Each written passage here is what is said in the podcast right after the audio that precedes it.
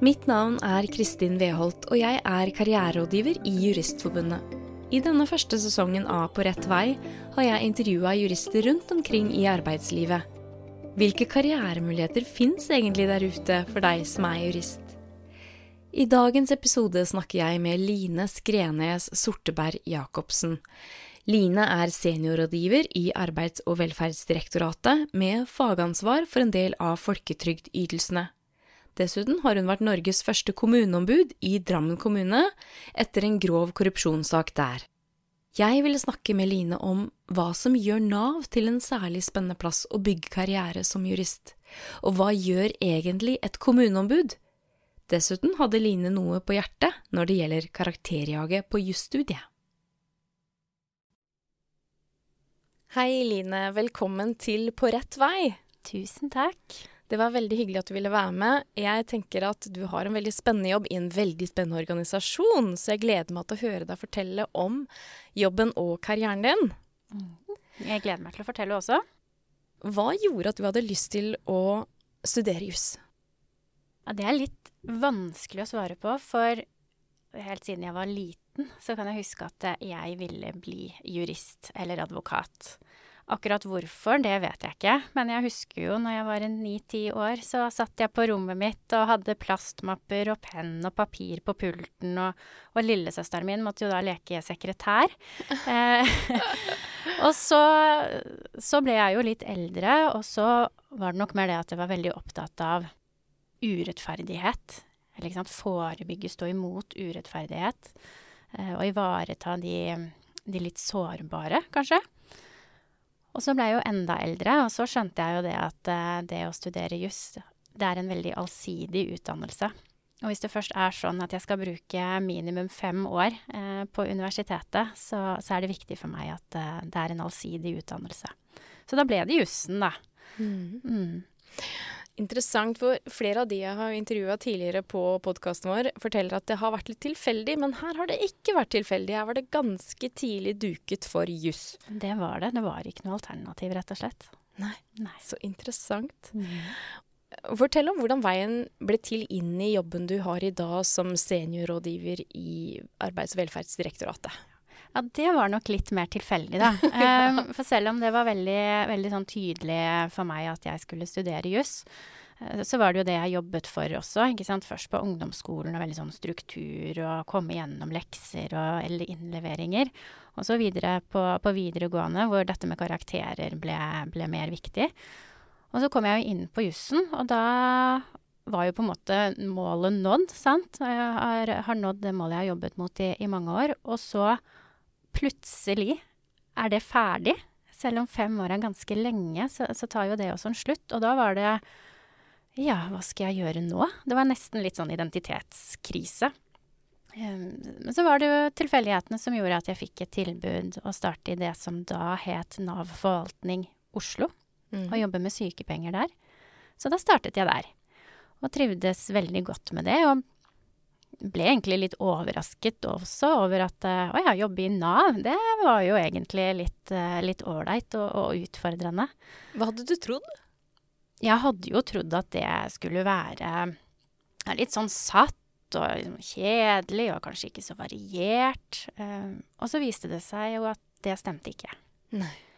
Og så fikk jeg tilbud fra å starte, å starte i et eiendomsselskap. Men nei, jeg syns liksom Nav, det, det var veldig ålreit. Så jeg ble værende. Og så startet jeg etter hvert i en annen enhet, hvor jeg fikk lov å jobbe med litt andre fagområder også. Og, og bygge kompetanse. Mm. Så i dag så er du i ytelsesavdelingen. Kan ikke du si litt om uh, hva dere gjør der? Ja, vi er ansvarlig for Altså vi har det overordnede ansvaret da, for uh, ytelsene vi har i, i, Norge. Stort sett det som ligger til uh, forvaltningen, altså den statlige delen. Og for meg mer konkret så betyr det at uh, jeg er fagansvarlig for en del av folketrygdytelsene vi har. Og så jobber vi både litt oppover, altså mot departementene våre. Uh, og bistår de i en del utredninger, og vi får jo bestillinger fra de også. Hvis de vurderer å gjøre endringer i regelverket, så går det ofte til oss, hvor vi får uttale, får uttale oss og prøver å identifisere både tilsiktede og utilsiktede konsekvenser av endringsforslaget. Eh, er det behov for lovendringer? Vi kan av og til komme med forslag til lovtekst og forskriftstekst. Og så er jo veien videre hvordan skal dette eventuelt eh, implementeres? Kan dette gjøres eh, automatisk? Må det være manuell saksbehandling? Når kan vi implementere det fra? Hvor mye koster det? Osv. Og så jobber vi også ut mot det vi kaller for altså resultatområder, altså saksbehandlende enheter. De som behandler saken din første gangen du søker. Også til klageinstansen eh, har vi også et fagansvar. Og det innebærer jo å, å, avklare faglige spørsmål som de løfter opp til oss i direktoratet. Og vi er ansvarlig for rundskriv og også saksbehandlingsløsningene de bruker. Mm. Så hvis vi zoomer inn på deg, da, med en typisk arbeidshverdag, hvordan ser den ut? Den er ganske hektisk. Mm -hmm. Og nå treffer du meg jo på et tidspunkt eh, Nå er jo akkurat statsbudsjettet ferdigforhandlet. Men høsten er jo alltid litt ekstra hektisk for oss, nettopp pga. denne budsjettprosessen. Og da er det jo ofte spørsmål fra partiene, fra, fra storting, med veldig korte frister. Mm -hmm. Så det, det, er hektisk. Eh, I tillegg så skal vi jo ivareta de vanlige arbeidsoppgavene våre. Altså disse bestillingene som kommer utenom fra, fra departementene. Det er å ivareta resultatområdene. Det er eh, pressesvar. Det har vi jo en del av. Skriver du det? Eh, jeg kan være med å utforme dem. Mm. Svarer jo da primært på det stønadsrettslige. Og så mm. har vi jo heldigvis en kommunikasjonsavdeling også. Eh, men det er vi med og utarbeider. Mm. Og så er det jo Det er også viktig å si, det er jo en av våre primæroppgaver også, at det er klart de bestillingene fra departementet er viktig, men så er det jo også vår jobb å implementere, altså iverksette vedtatt politikk. Ja. Hvilke rettsområder jobber du mest med? Jeg er uh, fagansvarlig, som jeg nevnte, for uh, noen av uh, folketrygdytelsene våre. helt konkret så er det folketrygdloven kapittel 14. Det er ytelser i forbindelse med svangerskap, fødsel og adopsjon. Og I tillegg så er jeg også det som heter juridisk ansvarlig for produktområdet familie. og der har vi samlet alle familieytelsene vi har, altså ytelser knyttet til det å få barn, ha barn og det å leve med familie. Så det har vi samlet da i dette produktområdet og fordelt ytelsene på ulike team, som da har ansvar for hele verdikjeden. Det vil si at man har ansvar fra, for uh, informasjonen man får når man går inn på nettsidene våre, til hvordan man kan søke, og søknadsdialogen, til selve saksbehandlingsløsningene. Og det syns jeg er ekstra spennende, for på familieområdet så har vi jo en del hel- og delautomatiserte saksbehandlingsløsninger. Og da jobber vi jo tett sammen i disse tverrfaglige teamene sammen med IT-utviklere, jurister, fagpersoner og designere og folk fra kommunikasjon for å få dette best mulig, og også sørge for at vi implementerer jussen riktig i systemene våre. Sånn at vi får riktige vedtak ut til brukerne. Som er automatiserte. Som er automatiserte. Mm. Vi har både hel- og delautomatisert saksbehandling, og så er det noen ytelser som fortsatt er eh, manuell saksbehandling, hvor det sitter en faktisk saksbehandler og tar saken fra A til Å. Mm. Bare sånn siden, siden, vi har deg der nå, her nå. er det jurister som gjør den jobben? Ute i saksbehandlende enheter. Mm. Det er både og. Eh, det er en del jurister der ute. Nå, Nav er jo veldig stort, da. Ja. Eh, det er jo over 20 000 ansatte, fordelt ja. mellom stat og kommune og fylke.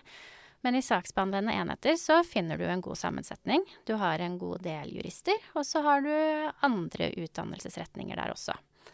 Og det mm. er jo også viktig eh, for, å ivareta, for, å ivareta, bredden, og også få fram ulike synspunkter som vi er avhengig av å ta med oss når vi skal eh, gjøre utredninger og svare opp departementet. Ja, nettopp. Jeg ville bare sette litt lys på det, fordi jeg tenkte at det er flere type jobber som jurist inni Nav-systemet? Absolutt. Og man kan jo gjerne da jobbe i saksbehandlende enhet, sant? som jeg har vært litt inne på nå. Men også i direktoratet så er det jo veldig mange muligheter. Og man kan kanskje gjøre som meg og jobbe litt mer smalt og med sånne spesifikke ytelser. Og så har vi jo andre avdelinger også som jobber med det mer hva skal jeg si, sånn tverrgående og litt mer generelle, f.eks. For forvaltningsretten og personvern. Og så har vi avdelinger som jobber med eh, EØS-rettslige spørsmål, trygdeavtaler, trygdeforordninger. Så det er eh, veldig variert hos oss, da. Og det er jo en av de tingene jeg setter så pris på med, med egen jobbhverdag også. Mm. Vi skal komme litt tilbake til det at du valgte Nav som et sted å bygge karriere. Men før det så vil jeg gjerne høre om noen faglige kompetanser du bruker utenom jussen. Hva kan det være? Hos oss så er det jo Det er mye prosessledelse. Og det har jeg eh, alltid syntes vært spennende, men har måttet bygge mer kompetanse på. Kanskje særlig den, eh, den jobben jeg har i dag. Og så er det jo Vi er en stor organisasjon. Og det å sikre at alle som skal være koblet på, er koblet på. Det er nesten NM i samhandling av og til, føler jeg. Ja. Eh, men det er viktig. ikke sant? Og um, igjen til denne prosessledelsen. Sikre framdrift, sikre leveranser. Det, det bruker jeg mye. Mm. Og av de viktigste personlige ferdighetene, hva tenker du du bruker mye? Vi jobber jo mye i team. Altså Mm. dette med samarbeid, samhandling og relasjoner. Og i det også så ligger det jo å være åpen og lyttende. Eh, Og åpen også for andre sine synspunkter. Og så tror jeg også det er viktig, vi har en eh, hektisk arbeidshverdag, og det er jo ikke alltid at ting går sånn som vi har sett for oss heller, men det å ja, ha godt humør og humør på jobben eh, sammen med kollegaer, det, det syns jeg er viktig. Mm. Så jeg tenker på Nav som en veldig spennende organisasjon å jobbe for, fordi dere er jo veldig tett på mennesker og enkeltmennesker, og dere må hele tida altså, er med på å skape utvikling i samfunnet, men også må henge med på utviklingen. Så her må det nødvendigvis skje mye, tenker jeg. Og hva har gjort at du har valgt en karriere i Nav? Du er jo litt inne på det. Eh, For det første så er jo jeg, som veldig mange andre, også veldig stolt av den velferdsstaten vi har. Um, og nesten alle, om ikke alle, har jo et forhold til Nav på et eller annet tidspunkt i livet. Noen kanskje flere ganger også. Så det å være en del av en så stor uh, virksomhet som har sånn direkte innvirkning i folk sitt liv, det syns jeg er uh, veldig spennende og givende å få lov til å jobbe med. Og som du sier, til det helt konkrete, og for oss som jobber med familieytelser, mange av de er jo livsoppholdytelser, sant. Det er de pengene du bruker til å betale regningene dine, og bidra til at vi har gode ytelser og gode saksbehandlingsløsninger som gjør at uh, ting går riktig for seg, og at penger kommer inn på konto, og bidra til å skape den økonomiske tryggheten, i hvert fall. Det tenker jeg er kjempeviktig. Så, Mm. så å få lov til å være med på det, det er uh, ganske så bra. Ja, Mm. og ja, det kan jeg forstå. Altså at det er en så stor organisasjon, må det også finnes mange karrieremuligheter, tenker jeg. Absolutt. Og som jeg var inne på, vi har uh, ulike avdelinger. Eh, ut fra hvilke, hvilke områder de jobber med, så er det jo ulike muligheter der. Og, og så er det jo det å kunne bredde seg. uh, og ikke bare jobbe nødvendigvis med det ene fagområdet, men å se helheten, se ting på tvers. Jobbe mer strategisk med regelverksutvikling, f.eks. Det er veldig viktig for oss. For én ting er jo der vi står i dag. Nå er vi på tampen av 2023, men, men hvor er vi om noen år? Hvordan skal våre ytelser se ut? Skal folk måtte søke om å få ytelser? Kan man gjøre mer automatisk der? Det er ganske sånne store spørsmål og dilemmaer, men som vi eh, snakker mye om på jobb. Mm. Apropos dilemmaer. Hender det at du støter på dilemmaer i jobben din, eller saker du på andre måter syns er vanskelig? Ja, det skjer ganske ofte. Um, det er mye jeg også synes er vanskelig, selv om jeg har jobbet i organisasjonen en del år. Og jeg tar meg jo av og selv i det å bli, bli litt sånn overrasket over at det fortsatt dukker opp fagspørsmål, f.eks.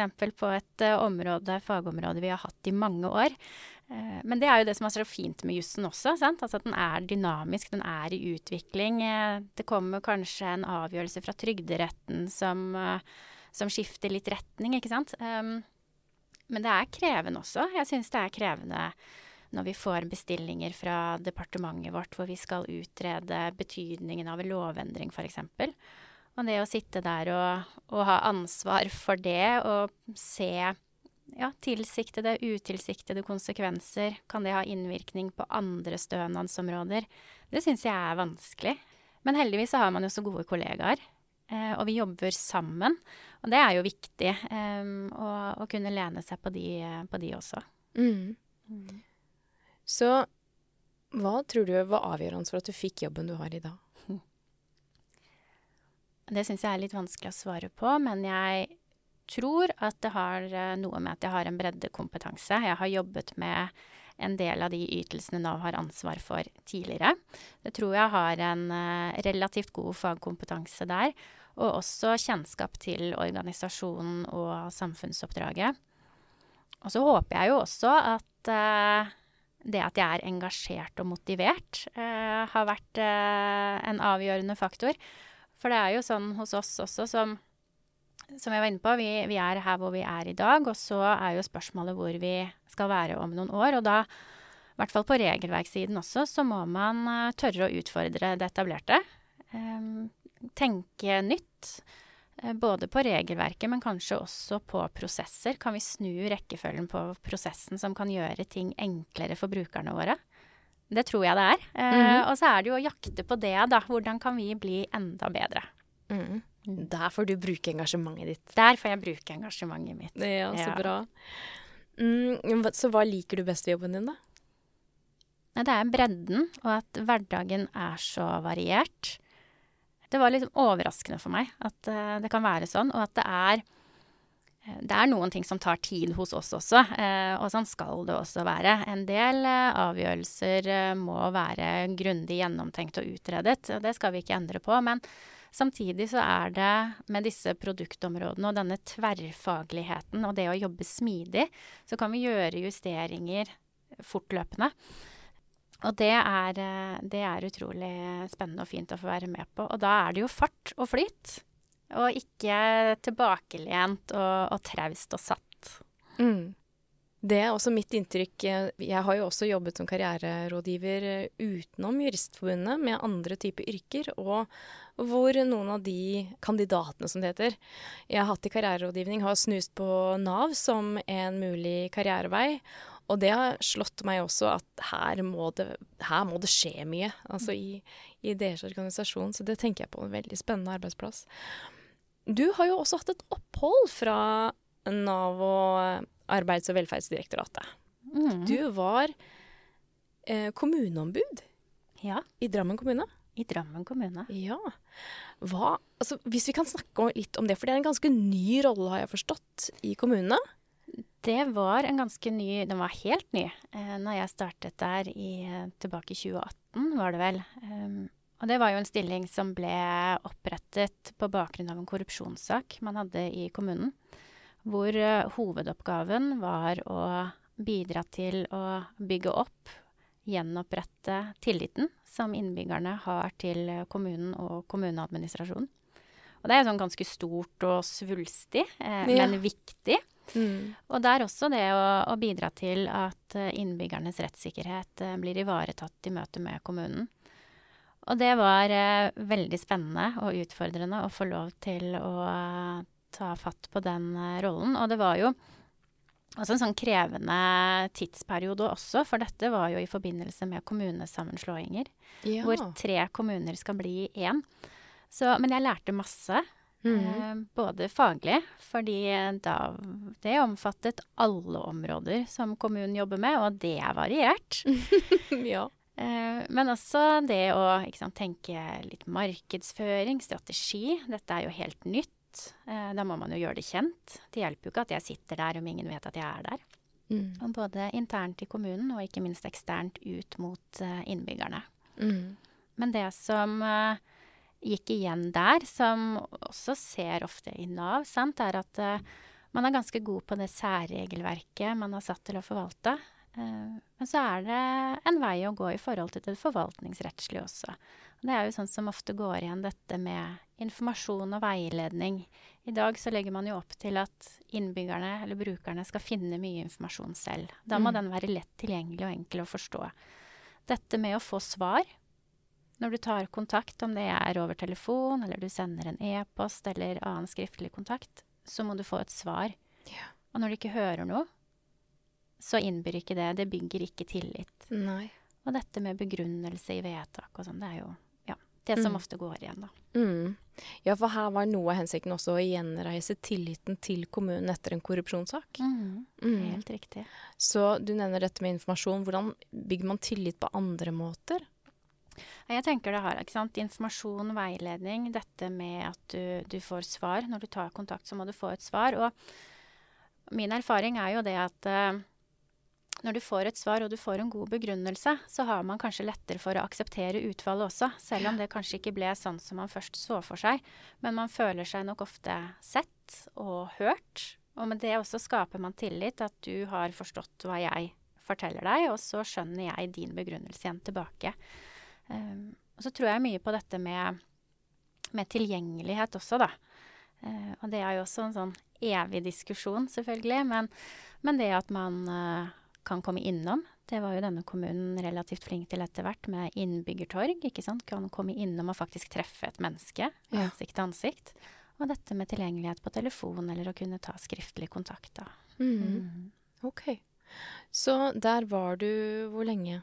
Jeg var der til sommeren 2021.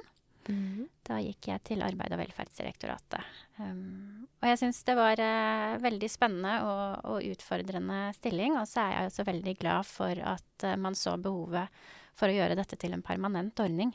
Mm. Så det har man nå gjort i, i Drammen kommune. Mm. Hva var det viktigste du lærte i den jobben? Jeg lærte først og fremst så var det og det er jeg veldig takknemlig for i dag. Eh, Jeg har jobbet i Nav tidligere. Da hadde vi jo mye direkte brukerkontakt, men primært over telefon eh, eller i form av skriftlig kommunikasjon. I den eh, rollen jeg hadde i Drammen kommune, så traff jeg jo ofte innbyggerne ansikt til ansikt. Og det er en erfaring jeg er veldig takknemlig for i dag. For det å sette seg Det er en forskjell på det. Ja. Om du har kontakt over telefon eller i papirform, eller om du sitter på andre siden av bordet og prater sammen. Og det å evne å lytte, også kunne vise både sympati og empati, uten at man nødvendigvis er enig, men, men å ha respekt og forståelse for at det er den virkeligheten den andre personen sitter med, da. Um, og det er jo noe jeg har tatt med meg i den jobben jeg har i dag også, og jeg sitter litt lenger unna eh, brukerne. At det er viktig at vi også husker på det at uh, det er uh, mennesker som får uh, vedtakene våre, som sitter i den andre enden, og som våre vedtak har en helt direkte betydning i, i livet, da. Ja. Ja. ja. Dere har en veldig viktig rolle for enkeltmenneskene. Så takk for at du delte det. Det var en fin refleksjon. Altså, det å møte mennesker ansikt til ansikt. Hvilken jobberfaring har du vokst mest på? Og her kan du også gjerne fortelle om eh, Du trenger ikke bare fortelle om solskinnshistoriene. Det kan være om du møtte motgang også. Ja, det har man jo, og det tenker jeg er jo helt naturlig, og det vokser man jo på. Men også her må jeg få lov til å trekke, trekke fram altså møtet med enkeltmennesket. Yeah. Um, det, det har vært viktig. Og så ser jeg jo på det sånn rent personlig og sånn faglig også. Det, det var vel i fjor sommer, på tampen av sommeren, hvor vi fikk en uh, uttalelse fra EFTA-domstolen. Eh, hvor det viste seg at en av våre ytelser er klassifisert, eller EFTA-domstolen klassifiserte det som en familieytelse. Og det er jo ikke sånn vi har praktisert det siden ytelsen kom. Og da var jeg jo så heldig eh, og fikk mye tillit og ansvar på jobb, men å lede den arbeidsgruppen som skulle holde i den saken. Og der lærte jeg jo masse. For det første om prosessledelse og det å sikre framdrift og avklaringer. Og også kjenne på den alt som settes i gang, da. Mm. Eh, når man får en, eh, en sånn uttalelse. Og vi må på en måte snu litt opp ned på vår hverdag og hvordan vi har sett på den ytelsen før. Eh, Og alt fra faglige avklaringer med departement til utarbeidelse av nytt rundskriv. Vi må gjøre om søknadsdialogen, eh, saksbehandlingsløsningen. Vi må ivareta de saksbehandlerne som sitter ute og skal behandle disse sakene. Og også berørte brukere. Eh, de som f.eks. Eh, fikk avslag en gang i tiden. Da. Mm. Så det var en veldig bratt læringskurve. Og jeg er jo ikke så glad i læringskurve selv. Altså jeg vil jo helst ikke kunne alt med en gang, men det er jo ikke sånn verden fungerer. Men ja, der lærte jeg masse. Ja. Mm. ja, for jeg var fristet til å spørre deg, hva, betydde det for deg, det for deg personlig? Det betydde jo først og fremst at man eh, holdt på å si må jo mobilisere, og også være klar over alt jeg ikke kan. Eh, og, og, vi er jo Jeg har veldig mange gode kollegaer og ledere, så man står jo ikke alene i dette her. Men uh, viktigheten av, og det visste jeg jo for så vidt på forhånd, men det er sånn man blir minnet på når man er i en sånn situasjon. Viktigheten av struktur. Det vi sitter og diskuterer nå, er det et juridisk spørsmål? Det kan det godt være. Da setter vi et kryss for det. Er det et teknisk spørsmål? Da setter vi et kryss for det. Ha system og ha oversikt. Og kunne delegere. Mm. Man skal ikke løse alt på egen hånd. Um, og som sagt, det å sikre framdrift, da. Mm. Men da er det jo også veldig tilfredsstillende når uh, vi har jobbet godt sammen og får på plass f.eks. et helt nytt EØS-rundskriv, da, som gjør at vi kan begynne å saksbehandle sakene riktig. Ja. Mm. Det hørtes ut som en kompleks oppgave. Ja, det var det. Ja. mange, mange, moving parts, som det heter på norsk. Mm. Godt norsk. Fortell om en gang da du følte at du virkelig gjorde en forskjell som jurist. Da er det jo lett å gå tilbake til eh, når man satt der og hadde disse fysiske møtene også. Jeg, jeg, vet ikke om det var sånn, nødvendigvis at jeg som jurist gjorde en forskjell, men jeg tror at jeg, den egenskapen av den rollen jeg hadde i kommunen, hvor jeg hadde mye dialog med en, med en innbygger som, som, var i en vanskelig og sårbar situasjon. Men det å, å møte og være lyttende og kunne vise sympati og empati uten at jeg nødvendigvis var enig i alt, for det er ikke det det handler om. Men og det da kunne eh, vise vei og retning, og hvem må man ta kontakt med.